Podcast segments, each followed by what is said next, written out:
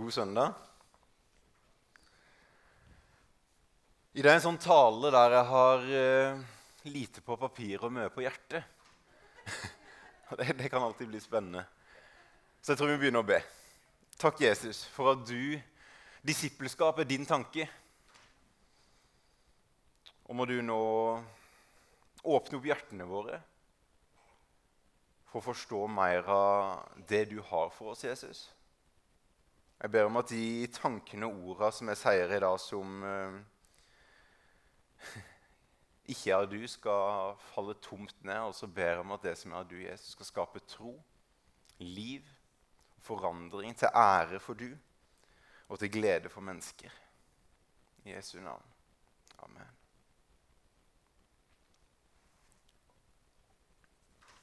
På mandag var det planleggingsdag på skolen jeg jobber på.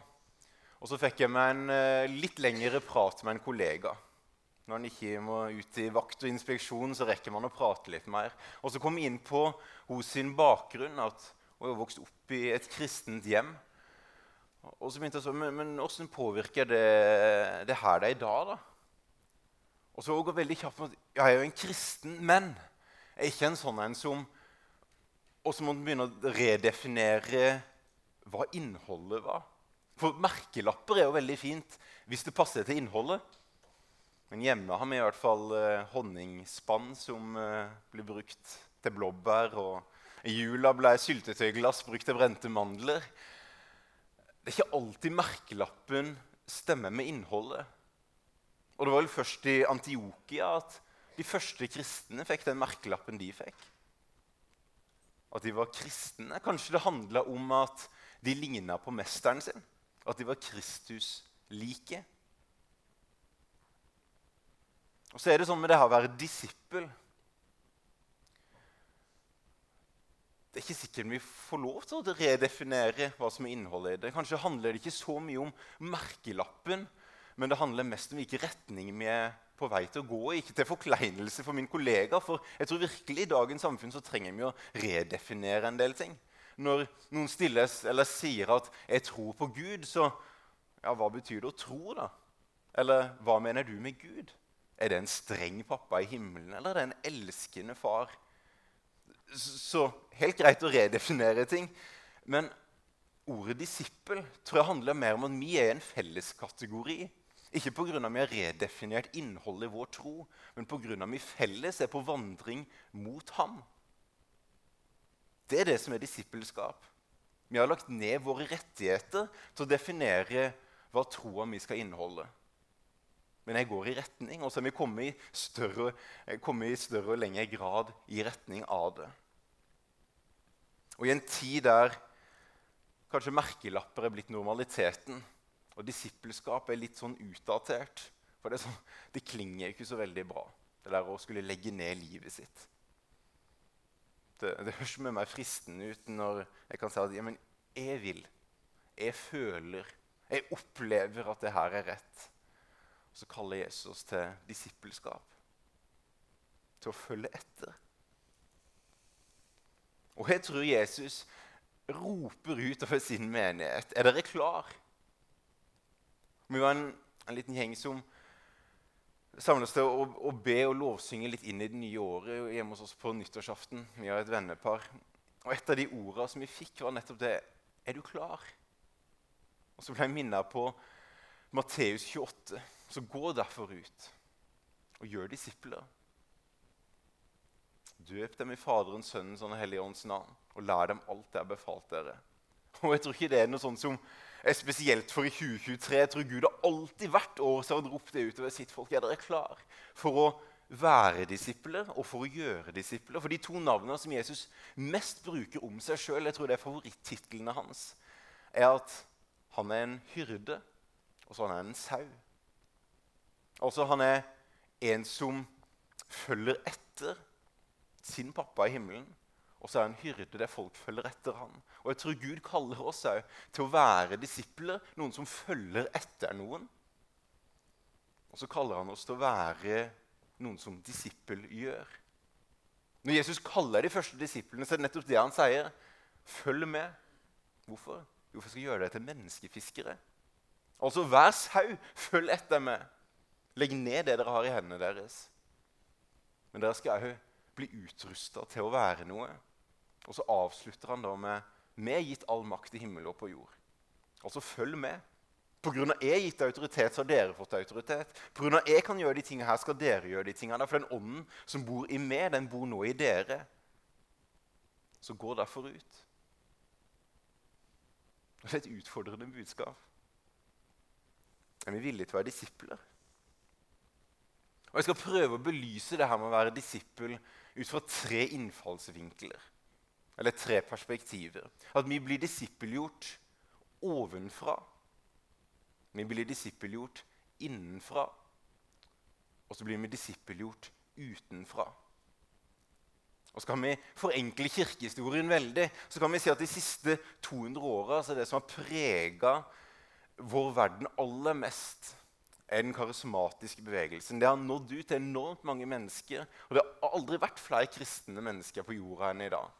Og noe av de sin styrke har vært kanskje det første perspektivet. At vi blir disippelgjort ovenfra av erfaringer. At vi, blir, at vi erfarer Gud.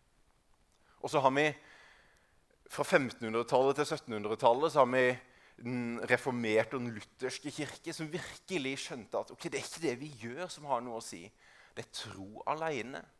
Vi blir disippelgjort innenfra av et personlig valg der vi velger å legge ned vårt liv og følge Jesus. Og så har vi en førstekirke, og så har vi en katolsk ortodokse kirke som kanskje var enda bedre på at vi blir disippelgjort utenfra. Den første kirke med at vi er en del av en familie. Tilhørigheten, den måten vi holdt sammen på. Og Den katolske ortodokse kirke i form av de ytre handlingene som er med å disippelgjøre oss til å bli mer lik Jesus.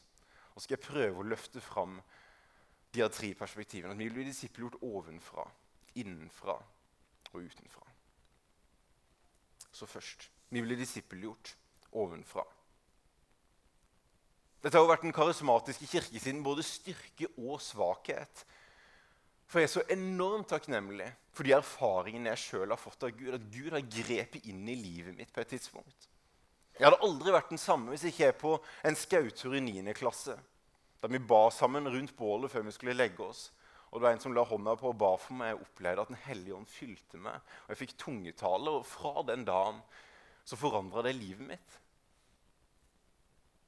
Eller når jeg i januar i 2012 ble bedt for på et møte og Jeg slet masse med astma, allergi og refluks, og de tingene der, og så blir jeg helbreda.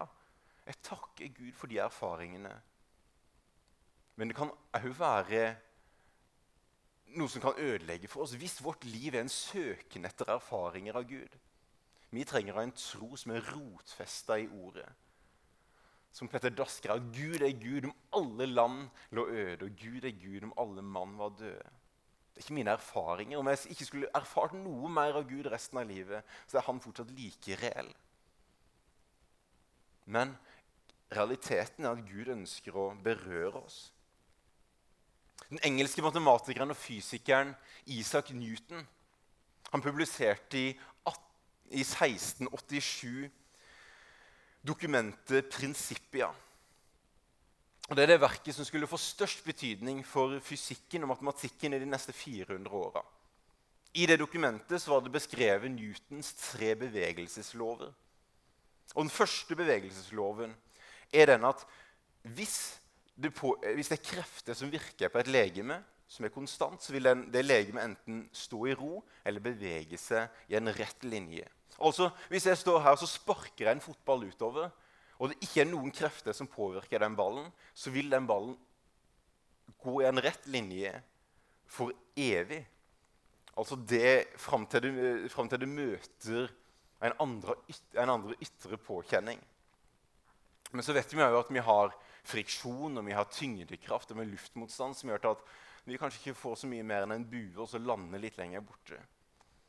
Men realiteten er at når vi erfarer Gud, så er det han som setter oss i bevegelse. Hvis vi var i en eller annen form for retning i livet, så er det Guds erfaring, er altså en ytre påvirkning som gjør til at vi vender oss 180 grader og går i motsatt retning. Det er jo nettopp det her med at vi er født av Ånden. Det er ikke noe vi gjør oss fortjent til. men det er noe som Gud berører oss med.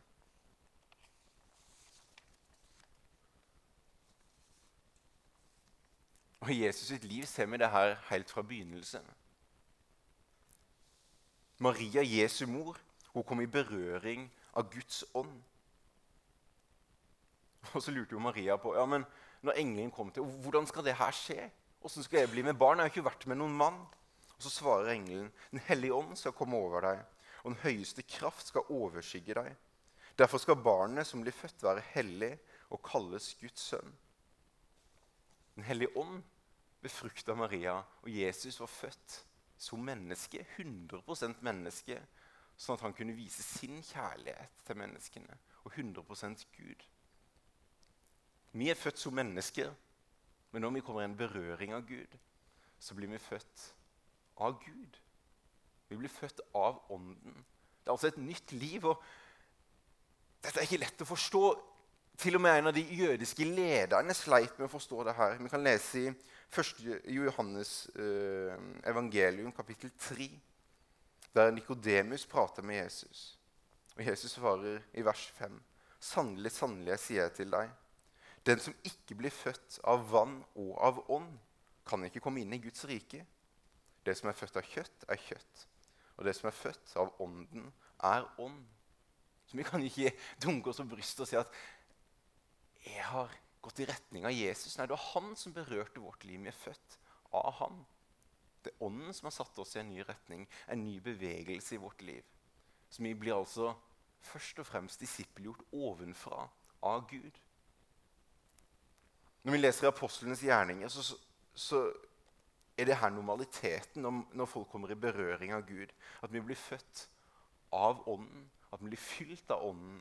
Så blir folk ledet av Ånden. At vi blir født inn til et nytt liv i Jesus. Og Når vi leser om hvordan det her skjer i apostelens gjerninger, så er det gjerne at i det noen forkynner evangeliet, så skjer det en omvendelse i de sitt liv. Sånn som På pinsedagen så stakk det de i hjertet. De kjente at den måten de levde på, det går i kollisjonskurs med Gud. Og det møtet med Gud gjorde at de vendte om. Og Når du vender om, så begynner du å tro på noe annet enn det du gjorde før. Da begynner du å se en ny retning. Og så lot de seg døpe i vann, og så lot de seg bli fylt av Den hellige ånd. Og Så kan man være uenig med rekkefølgen her, men vi trenger å huske at først og fremst er vi berørt av Gud. Vi er født av Ånden. Og i dåpen så la vi ned det gamle livet vårt. Det begravde vi. Det har ikke lenger makt over oss. Som er et symbol på at jeg er gjenoppstått til et nytt liv. Jeg er født som menneske, men nå er jeg født av Ånden. Jeg er merka med himmelen på innsida. I Romerne 6 skal vi lese om dette at synden har ikke nå lenger makt over meg. Jeg er gjenoppstått et nytt liv i kraft av å være hans sønn. Det er en realitetsforandring. Og Etter det så ser vi veldig ofte eksempler på at så la de hendene på dem, og så ble de fylt av Den hellige ånd. Og Jeg har lyst til å oppfordre i starten Har vi den grunnpakka på plass? Har vi vært i berøring av Gud? og vendt oss om. Begynt å tro på Gud og, og vet at med dåpen så har vi lagt av det gamle livet. Gjennomstått et nytt liv og fått en berøring av en hellig ånd. Og For noen så er det her som natt til dag. Masse følelser. For andre så er det stille som en soloppgang. Det er ikke noe følelse rundt det, men det er likevel den samme realiteten. Ånden er den samme. Men følelsene og erfaringene vil være totalt forskjellige.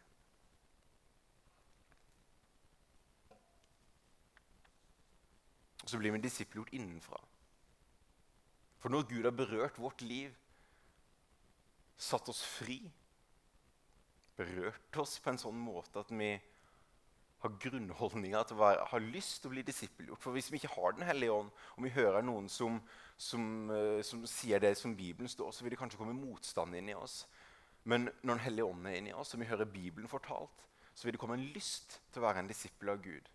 Så dette er grunnpakka vi står på. Men så blir vi jo disippelgjort innenfra pga. det er et personlig valg. Det er noe vi sjøl må velge. Jeg har stadig blitt inspirert av å lese bøker av en mann som heter Didrik Bonhoeffer. Han levde i Tyskland på, og skrev mye på 20- og 30-tallet. Var en kirkeplanter og en, en teologiprofessor. Og som skrev bl.a. en bok om kostnaden med å være en disippel. For han så i, i Tyskland på, på 30-tallet at det, kommer noe han kalte billig nåde. Han sier at billig nåde er å forkynne tilgivelse uten at du trenger omvendelse. At du lar deg døpe uten at du trenger helliggjørelse. At du tar imot nattvær uten at det prates om bekjennelse. Å bli fri fra skyld uten å bekjenne at du har gjort feil. Billig nåde er nåde uten disippelskap. Og Dette skrev han noen få år før han sjøl ble drept av Gestapo i en konsentrasjonsleir. Bare en uke før Berlin ble, fri, ble frigjort, så ble Didrik Bonhoeffer drept for det han trodde på. Med disippelskap i Norge så kan det være noe sånn ja, Men hva er det egentlig? da? Men kanskje handler det om å si opp retten til å være for stolt til å innrømme feil. Kanskje disippelskap noen ganger handler om å si opp retten til å være bitter. Eller holde noe imot noen. Å si opp retten til å sette seg sjøl først.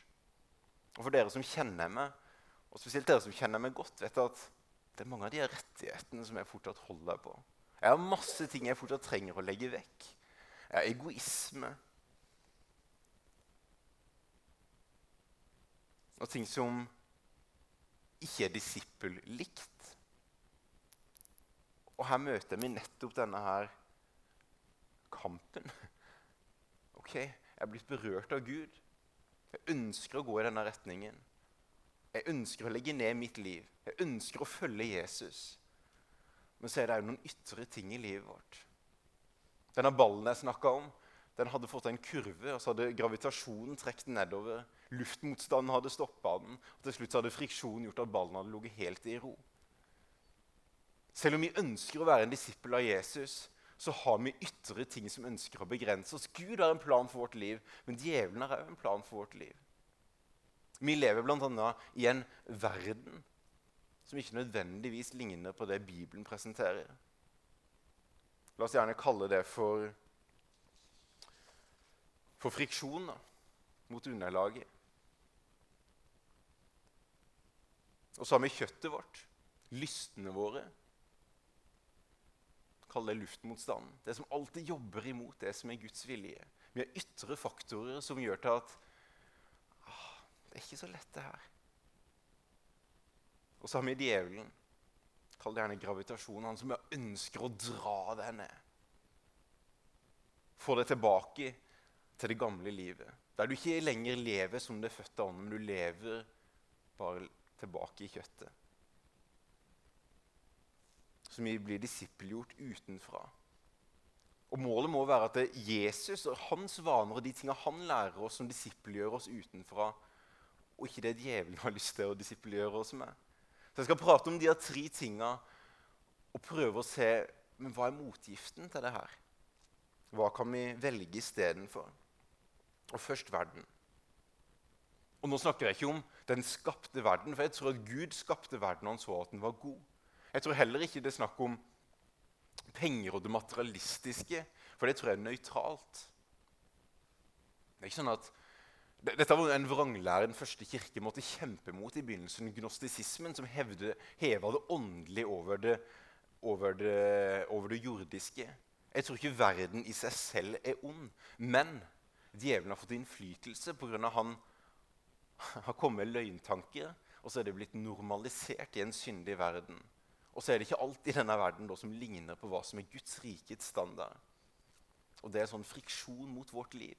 Hvis vi da lar oss prege mer av verden enn av Guds ord, så vil det være noe som stopper oss i vårt disippelskap til Gud. Så hva er da motgiften for det? Selvfølgelig kan det være mange flere ting enn det jeg sier her, men jeg tror bl.a. det vi driver med akkurat nå. Gudstjenesten.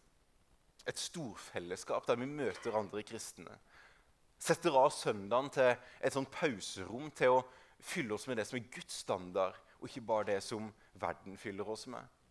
Jeg tror vi trenger de type fellesskap. Og så trenger vi mindre fellesskap, der vi kan være ærlige, åpne, studere Guds ord sammen, være relasjonelle sammen. Det er en del av de motkulturene. Jeg, treng, tror vi trenger disippelskap, som Kari prata om, og som og Degel og Ingeborg er et fantastisk eksempel på. Vi trenger å bli disippelgjort av hverandre. Det er en motkultur på den der friksjonen som verden ønsker å Eller som verden er i vårt disippelliv. Jeg var enormt heldig som niendeklassing og fikk Andreas Lindahl som bibelgruppeleder. Vi kalte det disippelgruppa. Hver søndag satt han, han av ettermiddagen og kvelden med en, en gruppe av oss tenåringer på å spille fotball sammen, skyte på lærduer sammen og studere Guds ord sammen. Og Han forventa selvfølgelig at vi skulle lese Bibelen fra, fra hver gang. Så, så, så måtte vi begynne å lese Bibelen hjemme. Han oppfordra oss til å ha PT, personlig tid med Gud hver dag. Og det ble en del ting som ble normalisert i livet vårt pga. han lærte oss å være disipler. Og Mange av dere vet jo at dere har hatt noen sånne i livet deres. Noen sånne hyrder dere har fått lov til å koble dere på. Det er en motgift mot at denne verden ønsker å dra oss vekk fra Gud. Og så har jeg lyst til å løfte opp spesielt én ting, og det er bibelsk vennskap. Jeg har lyst til å stoppe opp litt. For så mye trenger vennskap i denne verden her. For at ikke jeg bare skal stå og jobbe, så leser vi en av de mange tekstene som handler om Bibels vennskap. Jeg tror det kommer opp på skjermen. Galaterne 6. Men mine søsken, hvis en av dere blir grepet i et feiltrinn, må dere som har Ånden, hjelpe ham til rette. Men gjør det med et ydmykt sinn, og pass dere selv, så ikke du også blir fristet. Bær byrdene for hverandre og oppfyll på den måten Kristi lov. De som tror de er noe, selv om det ingenting er, bedra seg selv. Og hver og en skal bedømme det han selv har gjort, og få ros for egen innsats, ikke for det andre har gjort. Okay, oi, tenker han, Hva har dette med Bibels vennskap å gjøre? Jeg skal prøve å dele opp teksten litt. Jeg har lyst til å begynne med det her med at et bibelsk vennskap, der står du nærme nok. Det handler om nærhet. Til at om det er noen som bærer en tung byrde Og en byrde handler kanskje om at hadde jeg gått og løft, bært på noe som er skikkelig tungt, hvordan hjelpe meg? Jo, det at noe av vekta på mine skuldre blir slida over på skuldrene til de som bærer sammen med meg. Så om jeg har en kompis som har det tøft, så vil kanskje det å bære hans byrder være å reise der noen kvelder og lytte. Men, vet man, men det er jo utfordrende, for etter en har vært, og, vært, med folk som har det skikkelig vanskelig over litt tid, så presser det oss litt ned. Vi kommer kanskje derfra litt sånn umotivert, litt sånn nedtynga. Men det som skjer med den vi er hos, er at de kanskje reiser fra den kvelden litt oppløfta. For noe av de sin byrde blir lagt over på oss. Noe av de sin utfordring blir lagt over på våre skuldre. Og Noen ganger så har vi kapasitet til å bære manges byrder. Noen ganger har vi kapasitet til å bære få byrder, og folk må bære byrdene for oss. Jeg har en mamma som er forbildet mitt når det kommer til å bære andres byrder. Veldig ofte, selv om hun har mye, mye å bære sjøl, så slider hun andres byrde over på sine skuldre. Vi trenger å lære å bære hverandres byrder. Jeg har en kone som så ofte, om jeg sliter med noe, eller så kommer noe over hos sine skuldre. Og da, setter hun ikke opp sånn en rettighet med at sånn, 'Nå har jeg båret noe for du, nå skal du bære noe for meg.' Nei. Det står sånn at det kan oppfylle Kristi lov. De som bærer byrdene for hverandre, har skjønt at dette gjør jeg ikke pga. nå skal jeg få noe tilbake. Men jeg bærer pga. han bærte for meg. I Jesaja står det at han ble slått for våre overtredelser, knust for våre misgjerninger. Straffen lå på han, sånn at vi skulle få legedom. Han er det ultimate eksempel på å bære andres byrder.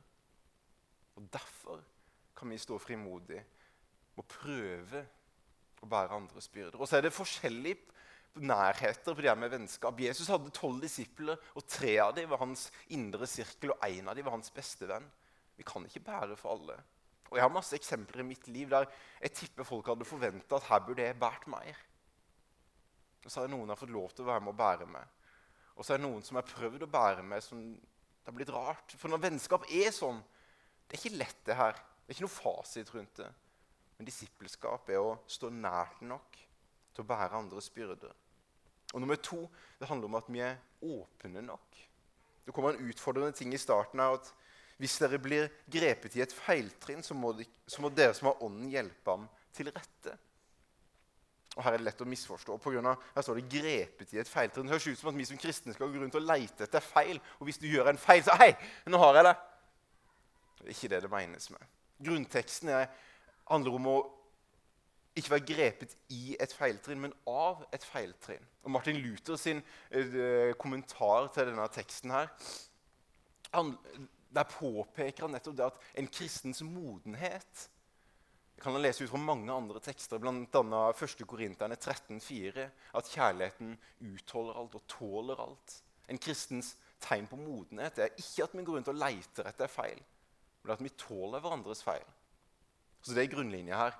Men det står at hvis noen er grepet i et feiltrinn, altså at synden har fanga den personen Så den som ønsker å være en disippel og gå mot Jesus, begynner å gå i en annen retning.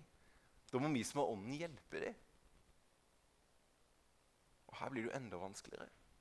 For kanskje du kommer inn i den personens liv, og så vil de ikke bli hjulpet. Og så kan det ødelegge relasjonen. Dette er skummelt. Men så kan det òg skje noe som jeg sjøl har fått erfart mange ganger, at nettopp det å åpne seg opp Både at folk kan prate liv inn i mitt liv, korrigere meg, rettlede meg, eller at jeg har fått lov til å være med og tale sannhet inn i andres liv. At det nettopp er den åpenheten som gjør til åndelig vennskap fungerer. Vi kan stå der sammen. Og Dette tror jeg handler om mange ting. Kanskje et rart eksempel, men et av de eksemplene var en kompis som jeg brukte en del tid med i Oslo, som sleit med det her med økonomi. Og Det ble mye kredittkort og det ble mange relasjoner som ble ødelagt. for Han lånte penger der, og så gikk det ikke an å få betalt, og så ble det her vanskelig. Både for han og for andre mennesker. Og Så ble det en sånn relasjon der jeg kjente at jeg må tørre å si noe. Og det som er skummelt med å tørre å si noe, er at noe av den byrda som ligger på de, blir skjøvet over på du. Noe av hans økonomiske byrde ble jo min økonomiske byrde for å hjelpe han ut av noen ting. Og mye av det vi brukte tid på framover, var kanskje like mye det å sette opp budsjett og hjelpe med økonomiske ting som bare det å studere Bibelen. når vi hadde det litt sånn fellesskapet vi hadde. Men den relasjonen gikk fra å være en sånn passe god relasjon til å bli en enormt dyp relasjon. Fortsatt, Selv om veldig mye går bra i hans liv nå med fast jobb og ting er på stell, kan jeg fortsatt få noen telefoner når det handler om det med økonomi. For vi har åpna oss opp for hverandre på et punkt. Så tør vi å stå nært nok til hverandre. Stør, tør vi å være åpne nok for hverandre. For på den måten så oppfyller vi Kristi lov.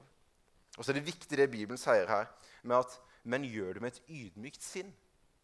Og pass på deg selv så du ikke blir fristet. Enormt viktig.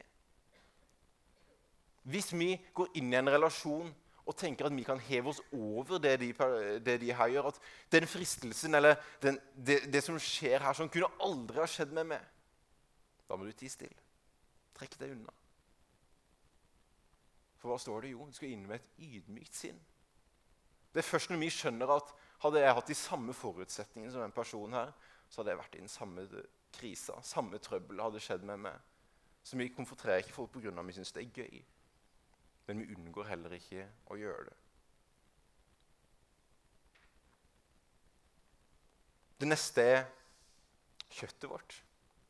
Og igjen, det er ikke kjøttet her. Bibelen prater om den syndige naturen vår. For etter vi er blitt født av Ånden, så lever vi i et slags tospann. Vi lever fortsatt i kroppen og med våre, våre lyster og våre, våre, ting, men vi er også født av Ånden. Og vi er ånd, sjel og kropp. Og hvis Ånden ønsker å leve sånn som Gud vil, og kroppen ønsker å leve sånn vi vil, så er det jo da sjela vår, eller altså tankegangene våre, som definerer om vi kommer til å velge Guds plan eller vår plan. Så det står da i Romerne, Romerne 12 at bli ikke forandra av denne verden, men blir forandra med at sinnet fornyes. Altså det ligger i tankene våre. Og Galaterne 6 prater også om at her, her, er det en viss logikk. For det begynner i tankene. Altså, Hvis vi sår en tanke, så høster vi en handling. Og hvis vi sår en handling, så høster vi en vane. Og hvis vi sår en vane, så høster vi en karakter. Og det er med å forme oss. Enten at vi blir bundet av synd, eller at vi blir satt fri i frihet. Det begynner i tankene våre. Så hva er da motgiften på det her? Jeg tror Bibelen lærer oss at det er i hvert fall to ting. Og Det ene er bekjennelse. For Hvis du får en tanke som ikke er av Gud Paulus sier at jeg tror hver tanke til fange lydigheten av Kristus. Og Hvis vi lar det bli til en handling eller bli til noe som vi begynner å tro på, og ser at dette stemmer ikke med Guds ord, så trenger vi å bekjenne det. Vi trenger å sette lys på det. Og Her er, har vi kanskje noe å lære av den katolske og den ortodokse kirke. Vi trenger å få fram bekjennelsen igjen. Og når vi hører folk bekjenne sin synd, så er det jo en måte å undervise om å leve rett på. Når jeg hører noen som ah, 'Jeg må legge ned det her', så utfordrer det mitt liv. Og så står det til i mitt liv. Jeg tror sunne fellesskap er en plass der vi bekjenner ting. Og det andre som kanskje er litt mer fjernt å prate om, men som denne verden prater plutselig mer om enn oss, oss kristne, så tenker jeg at da er det verdt å til og med tørre å nevne på søndagsmøtet, er det her med faste. For kroppen vår ønsker å definere hva vi skal gjøre. Men normaliteten til Jesus er at ikke hvis dere, ikke hvis dere faster, men når dere faster, skal dere ikke være som sadukeerne og de skriftlærde.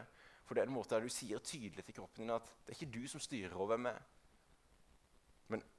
Men, men, det er kroppen som må lystre de valgene vi tar. Så ser det sikkert veldig forskjellig ut. Men jeg har lyst til å si det. Og så har vi den siste. Altså, vi blir påvirka av verden. En av motgiftene tror jeg er relasjoner. Vi blir påvirka av kjøttet vårt, denne luftmotstanden. Og jeg tror en av mot, motgiftene er bekjennelse og faste. Og så tror jeg vi blir påvirka av djevelen, denne gravitasjonen. For han er løgneren. Han ønsker å stjele, drepe og ødelegge. Han ønsker å dra oss ned. Og Djevelens plan for vårt liv er at han ønsker å isolere oss. Han ønsker først og fremst å dra oss vekk fra et fellesskap. For når vi kommer vekk fra et fellesskap, så blir vi komfortable. Da er det ingenting som utfordrer oss lenger. Det At noen bekjenner en synd, det kan være kjempeutfordrende hvis ikke vi har lyst til å ah, følge det vi òg. Hvis vi er utenfor fellesskapet, så kan verden få lov til å forme oss. Da kan det vi ser på TV og det vi hører, få lov til å være med å forme oss istedenfor. Om vi blir komfortable om vi kan bekrefte oss sjøl at ja, det jeg føler, det jeg mener, det, det er sikkert sant. Og så kan vi begynne å få løgner om Gud. Er Gud egentlig god? Ønsker han meg egentlig alt godt? Er det her egentlig positivt for mitt liv? Og så begynner vi å redefinere hva som er godt og ondt. Så vær motgiften? Jeg tror det er Guds ord. Det Jesus gikk imot og djevelen frista han, var at han svarte med Guds ord. Så tror jeg det er sannheter, og så tror jeg det er bønn. Så det siste av de ytre omstendighetene som jeg tror skal lov til å være med å påvirke oss og forme oss, må huske at det er Bibelen. Og Knut prata litt om vaner eh, forrige søndag. Hvordan skal det her få lov til å være med å påvirke oss i 2023? da? Har en god kompis som nå akkurat har lagt ut Bibelen på ett år gjennom tro og medier. Daniel Sæbjørnsen. Hvis du går inn på Spotify eller en podkastgreie, så kommer det en ny episode hver dag, ca. 16 minutter. Du kan høre på den i bilen eller hva som helst. Og den hører gjennom Bibelen på ett år. Et kjempetilbud for å kunne fylle oss opp med hva som er sannhet. Så når løgntanker kommer, så får ikke det rotfeste hos oss pga. vi vet at nei, det er ikke sannheten om Gud, og det er ikke sannheten om hvem jeg er. Nå har jeg snakka mye. jeg skal avslutte. Vi er altså vi er kalt til disippelskap. Og Gud ønsker å disiplere oss ovenfra med erfaringer av ham. Vi er født av Ånden, vi blir fylt av Ånden og vi blir ledet av Ånden. Jesus ønsker å disippelgjøre oss innenfra gjennom det personlige valget med å legge ned vårt liv for å følge Han. Og bli disippelgjort utenfra de ytre omstendighetene, av vaner, av fellesskapet og av bibelske prinsipper. Så er vi klar. Er vi klar for å være hyrde eller sau eller disippel i 2023? Hvis du ønsker, så kan du få lov til å reise deg, og så kan vi sammen be en disippels bønn. Det er en bønn som Frans av Assisi skrev for eh, snart 600 år siden. Og Hvis du ikke står inne for det, så sier du det ikke høyt. Men hvis du føler at dette her er noe som jeg har lyst til å si ja til, så leser vi det sammen. Herre, gjør meg til en redskap for din fred. La meg bringe kjærlighet der hatet rår. La meg bringe forlatelse der urett er begått. La meg skape enighet der uenighet rår. La meg bringe tro der tvilen rår. La meg bringe sannhet der villfarelse rår. La meg bringe lys der mørket ruger. La meg bringe glede der sorgen og tyngelsel rår. Mester, la meg ikke søke så meget å bli trøstet som å trøste. Ikke så meget å bli forstått som å forstå. Ikke så meget å bli elsket som å elske. For det er gjennom at man gir, at man får. Det er ved å glemme seg selv at man finner seg selv. Det er ved å tilgi andre at man selv får tilgivelse. Det er ved å dø at man oppstår til det evige liv. Amen.